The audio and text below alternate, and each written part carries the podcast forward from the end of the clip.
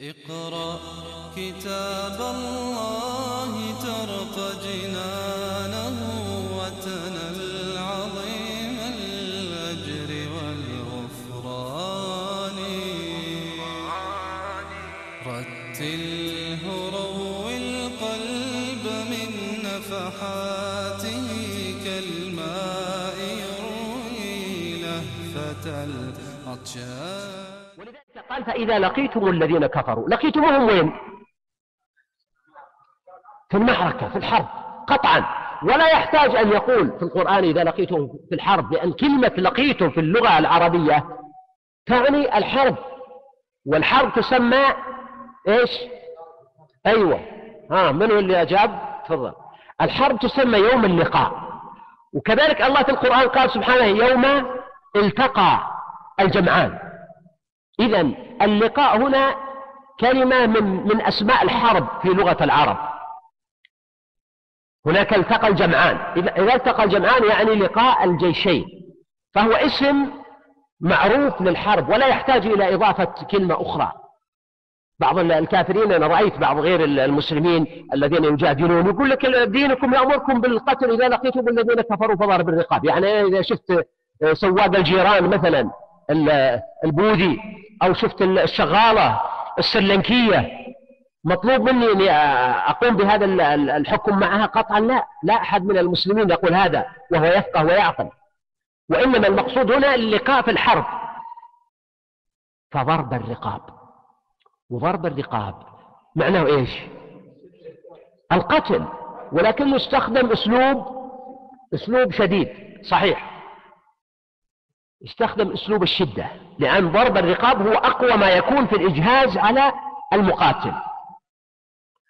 و ولكنه ليس صريحا في القتل.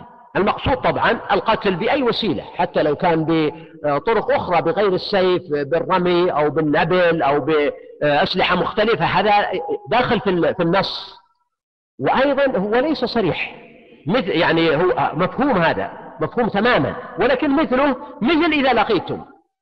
يعني لو قال لنا واحد إذا لقيتم معناه إذا قابلتم نقول طيب فضرب الرقاب ما فيها تصريح أنه فاقتلوهم.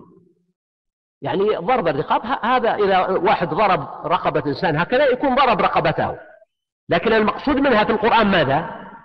القتل قطعا في هذا الموضع. مثلها مثل فإذا لقيتم أنه في الحرب وفي الميدان وليس في السوق أو المتجر أو الشارع أو أي مكان في أمن وأمان.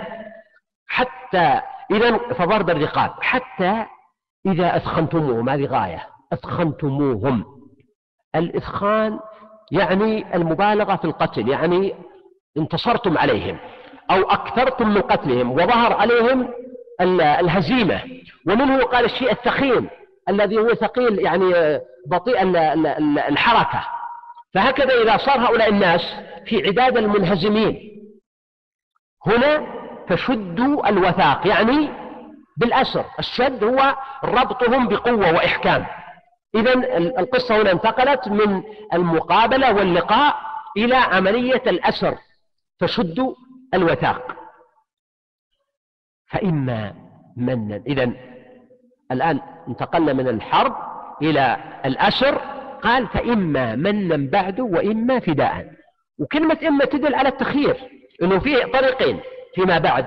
إما أن تمنوا على هؤلاء الأسرى وتطلقوهم بلا مقابل أو تمنوا عليهم وتسترقونهم كما يسترقون هم أيضا أسرى المسلمين أو تفدونهم. والفداء معناه أنك تطلق الأسير مقابل إيش؟ مقابل اي تفضل. مقابل أسير آخر. اسير بأسير أو مقابل مال كما في اسراء بدر. المهم أنه هناك فداء فإما منا بعده وإما فداء. وجمهور العلماء على أن الآية هذه محكمة غير منسوخة وحكمها باقي. يعني في آه، الاسترقاق وأن الإمام هنا قضية إما منا أو فداء ليس امرا راجعا لي أنا أو لك مثله مثل الحرب. ليس أنا الذي أقوم بإعلان الحرب أو أنت. إن هذه عملية تدخل في السياسة الشرعية. هذه عملية تخص الجماعة كلها وليست تخص فردا وذلك ليس من حق فرد واحد أنه يعلن الحرب. كما أنه ليس فرد واحد هو الذي يقوم بإطلاق الأسرى أو تقييدهم أو الفداء لأن هذا فوضى معناه الفوضى وإنما هذا أمر يكون موكولا إلى الإمام. فإما منا بعده وإما فداء. فينظر الإمام ما فيه المصلحة. فنقول الجمهور على أن هذا باقي أن الإمام له أن يفدي وله أن يمن عليهم بدون فداء وله أن يقتل كما قال جماعة من أهل العلم وفي هذا خلاف لأن ابن عمر وعطاء والحسن البصري يرون عدم جواز قتل الأسير.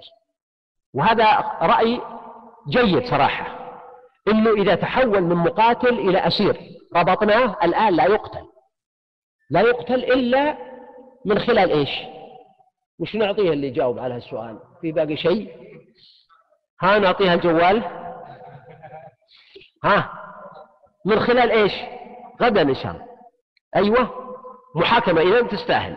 إلا من خلال محاكمة. يعني لو كان هذا الإنسان عليه جرائم سابقة حتى لو كان أسير مسلم مثل الآن الجرائم لحكومة القذافي مثلا أو آه، حسني مبارك أو أي حكومة أخرى تسقط ويقبض على أشخاص يتبين أن هؤلاء الأشخاص ارتكبوا جرائم في الماضي. وثبت هذا عليهم بالجرم المشهود. هذا يحاكم ثم يطبق عليه الحكم. ما ما في شيء يمنع. لكن القتل أن يكون طبعا لا أحد يقول يقتل بالتشهي مجرد المزاج وإنما يقولون بحسب المصلحة. فنقول إن جمعا من أهل العلم قالوا إن الآية صريحة في أنه أمامه المن أو الفداء وليس له أن يقتل. وهذا يتناسب اليوم مع عدد من القوانين الدولية المتعلقة بأسر الحرب أنهم لا يقتلون. فإذا تواطأت دول العالم على عدم قتل الأسير وكان المسلمون مطلوب منهم أن ينظروا في هذه القضية لا أرى ما يمنع أن يوافق المسلمون عليها أن يعاملوا هم بها ويعاملوا هم الآخرين أيضا بها من منطلق أن هذا ينسجم مع ظاهر القرآن الكريم وهو قول كما قلت لبعض الصحابة وجمع من أهل العلم آه، وأيضا أن القصة أصلا هي موكولة إلى الإمام في مسألة الفداء أو عدمه فأن يختار من هذه التشريعات ما يحقق العدل والمصلحة فليس في ذلك حرج ولا تغيير لشريعة الله. حتى تضع الحرب أوزارها. إذا هذا يستمر حتى تضع الحرب أوزارها يعني تتوقف تلك الحرب. ولكن التعبير بتضع الحرب وأوزارها يحتمل معنيين. المعنى الأول الأوزار يعني أثقال السلاح. هؤلاء المقاتلون يحملون الخوذات والدروع والكلاشنكوف وغيره من الأدوات فيقول وضعت الحرب أوزارها يعني انتهت وتوقفت.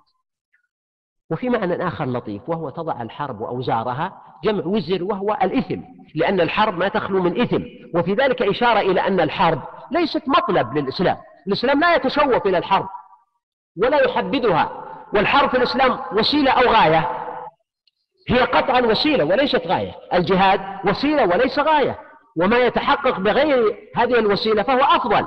ولكن أيضا هناك أحيانا ما يسمى بالحرب العادلة أو الحرب المقدسة. يعني أحيانا يعني إذا لم يكن كما يقول العرب إلا الأسنة مركبا فمحيلة المضطر إلا ركوبها. يعني الناس ليسوا دائما كما تحب وكما تشتهي. إذا أمكن أن نوصل الدعوة بغير الحرب إذا أمكن أن نحصل على حقوقنا بغير الحرب ما الذي يحملنا عليها؟ لكن لا تأتي الأمور دائما بهذه السهولة. ولذلك التاريخ كله من من تاريخ أول تاريخ البشرية إلى اليوم. تجد التاريخ في جزء كبير جدا من الحروب بل بعض هذه الحروب على ما فيها من شر إلا أن يجعل الله تعالى في عواقبها خيرا لا يتصوره الناس. ولذلك قال كتب عليكم القتال وهو كره لكم. ثم قال وعسى أن تكرهوا شيئا وهو خير لكم. إذا حتى تضع الحرب أوزارها. وبعضهم قالوا تضع الحرب أوزارها في نهاية الدنيا. ولكن الأقرب أن هذا مرتبط بظرف معين. ذلك هو الأمر والشأن. ولو يشاء الله لانتصر منهم من هؤلاء المشركين. يعني كما انتصر من الأمم السابقة. هود وعاد وثمود بأن ينزل عليهم مثلا آه، صيحة أو مطرا من السماء أو غير ذلك. لكن الله تعالى أراد لهذه الأمة أن لا يسوق عليهم عذاب الاستئصال يعني من السماء أن لا يعذبهم بعذاب من السماء وإنما أن يعذبهم بأيدي المؤمنين. قاتلوهم يعذبهم الله بأيديكم. فلو يشاء الله لانتصر منهم. انتصر يعني انتقم منهم. ولكن ليبلو بعضكم ببعض. إذا هو ابتلاء. يبتلي المؤمن بالكافر ويبتلي الكافر بالمؤمن. فهذا هو ابتلاء بكل أنواع الصبر والمواجهة. فهذا ابتلاء الله عز وجل للمؤمنين. ولذلك قال عقب الابتلاء قال والذين قتلوا في سبيل الله فلن يضل أعمالهم سيهديهم ويصلح بالهم. في قراءة والذين قاتلوا في سبيل الله قراءة سبعية. وعلى هذا الآية واضحة أن الله تعالى يقول من ضمن الابتلاء بمقاتلة هؤلاء المشركين ومدافعتهم أن الذين يقاتلون في سبيل الله يكون لهم الأجر والثواب. وهنا تجد إشاعة ثقافة القتال وثقافة الاستشهاد. لكن هذه ليست ثقافة دائمة تشاع. تشاع في مثل ظروف إيش؟ بدر وأحد. الناس يعني قبول الحرب تدق والناس بحاجة إلى الخطيب الذي يتكلم عن هذا الموضوع حتى الشاعر حتى لو كان شاعر شعبي يثير حمية الناس ويجتمع الناس على هذا المعنى. هذه قصة معروفة تماما. إنما ليست هذه دائمة في الحياة. الحياة فيها حالات كثيرة من استقرار وهدوء وأريحية وكما هو معروف حتى في هدي الأنبياء عليهم الصلاة والسلام. ولذلك هنا قال والذين قاتلوا في سبيل الله من باب تحريضهم. قال فلن يضل أعمالهم سيهديهم ويصلح بالهم. هم قاتلوا في سبيل الله فانتصروا على عدوهم أو رجعوا أو قتلوا. قال الله سبحانه وتعالى لن يضل الله أعمالهم كما أضل أعمال المشركين والكافرين. لا أعمالهم لن تضل فهي في الآخرة محفوظة لهم. والشهيد له أجر عظيم أحيانا عند ربهم يرزقون. لن تضيع في الآخرة لن تضل. وأيضا لن تضل في الدنيا. ففي الدنيا الله سبحانه وتعالى يجعل لهم النصر ويجعل لهم التمكين ويجعل لهم القوة والرعب في قلوب أعدائهم فلن يضل أعمالهم سيهديهم يعني في الدنيا. قاتلوا في سبيل الله فسوف يهديهم الله سبحانه وتعالى إلى الخير. والذين جاهدوا فينا لنهدينهم سبلنا ويصلح بالهم صلاح البال مع أنهم واجهوا صعوبات ومخاوف وجرح وأسر وإعاقات. وقتل منهم من قتل قتل أخوه أو جاره أو قريبه امرأة قتل زوجها أو أخوها أو أبوها ومع ذلك ويصلح بالهم. ومن يؤمن بالله يهدي قلبه. فتطمئن قلوبهم إلى ما كتب الله وإلى ما قدر الله. وفي قراءة أخرى والذين قتلوا في سبيل الله. قتلوا في سبيل الله. فلن يضل أعمالهم. أيضا كما سبق لكن هنا يكون معناه سيهديهم ويصلح بالهم في الآخرة. يعني يهديهم إلى مكانتهم في الجنة أو ما أشبه ذلك من المعاني اللائقة. وهنا أيضا تلاحظ كما ذكرت لك أنه القصة الآن هي قصة تحريض الناس على القتل والقتال في مثل هذه الظروف ظروف حرب. هناك مثل عشناه نحن ورأيناه.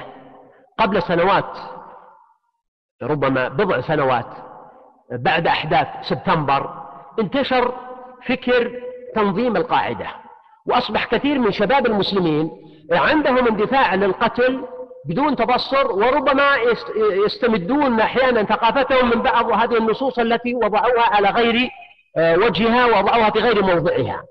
فكان هناك حاجة ماسة إلى تهدئة الناس وإشعارهم بأن الحرب هي شريعة ربانية مرتبطة بمصالح ومرتبطة بسياسة عامة ومرتبطة بحقائق وليست هكذا. وإحياء الناس خير من قتلهم. إحياء الناس بالإيمان خير من قتلهم. والناس لا يقتلوا لا يقتلون حتى يسلموا. لا لا إكراه في الدين. وإنما يقاتلون حتى يدفع شرهم وعدوانهم عن الإسلام. ولذلك عجبتني كلمة أرسلها لي أحد الإخوة في التويتر وفيسبوك ويمكن عتب علي إني ما ما ما, ما يعني أعدتها وهي جميلة صراحة. يقول المسلمون دعاة رحماء إلى الإسلام ومقاتلون أشداء من أجل الحرية. هذا معنى صحيح. فهذا معنى حتى لا تكون فتنة وقاتلوهم حتى لا تكون فتنة ويكون الدين كله لله. لا لا إكراه في الدين. لا يقاتل المسلمون من أجل إجبار الناس على الدخول في الدين. بينما لما حدثت الثورات في العالم العربي ومنها الثورة الليبية واضطر الناس إلى القتال لأنهم واجهوا الدبابات والمدافع والقتل. في تلك الظروف أصبح هناك حاجة إلى ماذا؟ إلى إشاعة ثقافة المواجهة. والقوة في هذا الظرف بالذات وجاء شباب من أوروبا ومن أمريكا وربما أطباء ومهندسون وغيرهم وأصبحوا يقاتلون لأن الموقف يعني لا يتحمل إلا هذا لكن هذا ظرف خاص وليس هذا شيئا مستديما أو أنها حالة دائمة. وهذه مشكلة لأنه أحيانا الذي يتعلم حمل السلاح يصبح صديقا للبندقية. ربما لا يكون لديه قدرة على الحوار على بناء الحياة على التفكير المتزن. يتعود أنه يحسم أموره عن طريق القوة خاصة إذا طال مكثه.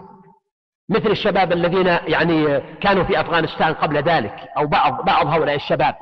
يعني آه، فهناك يعني إذا حالات كثيرة جدا آه، الأمر فيها يتطلب بصيرة وحكمة وهدوءا سيهديهم ويصلح بالهم ويدخلهم الجنة عرفها لهم. عرفها لهم تحتمل وصفها لهم في القرآن بالأوصاف المعروفة. عرفها لهم يعني طيب ريحها لأن العرف هو الطيب الريحة الطيبة. عرفها لهم عرفهم بها في الجنة حتى جاء في حديث أبي سعيد عند البخاري أن أحدهم أعرف بمنزله في الجنة من منزله في الدنيا. ما يحتاج أحد توصيف ولا جوجل ولا أي طريقة حتى يعرف وين منزله في الجنة. أبدا يذهب إليه وكأنه خرج منه الآن فيعرف منزله. عرفها لهم يعني رفعها رفع منزلة في جنة عالية.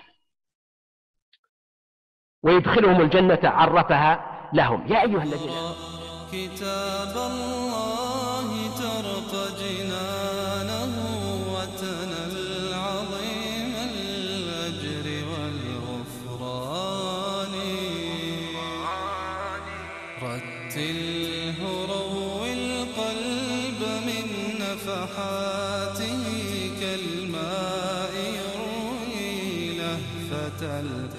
كالماء يروي لهفة العطشان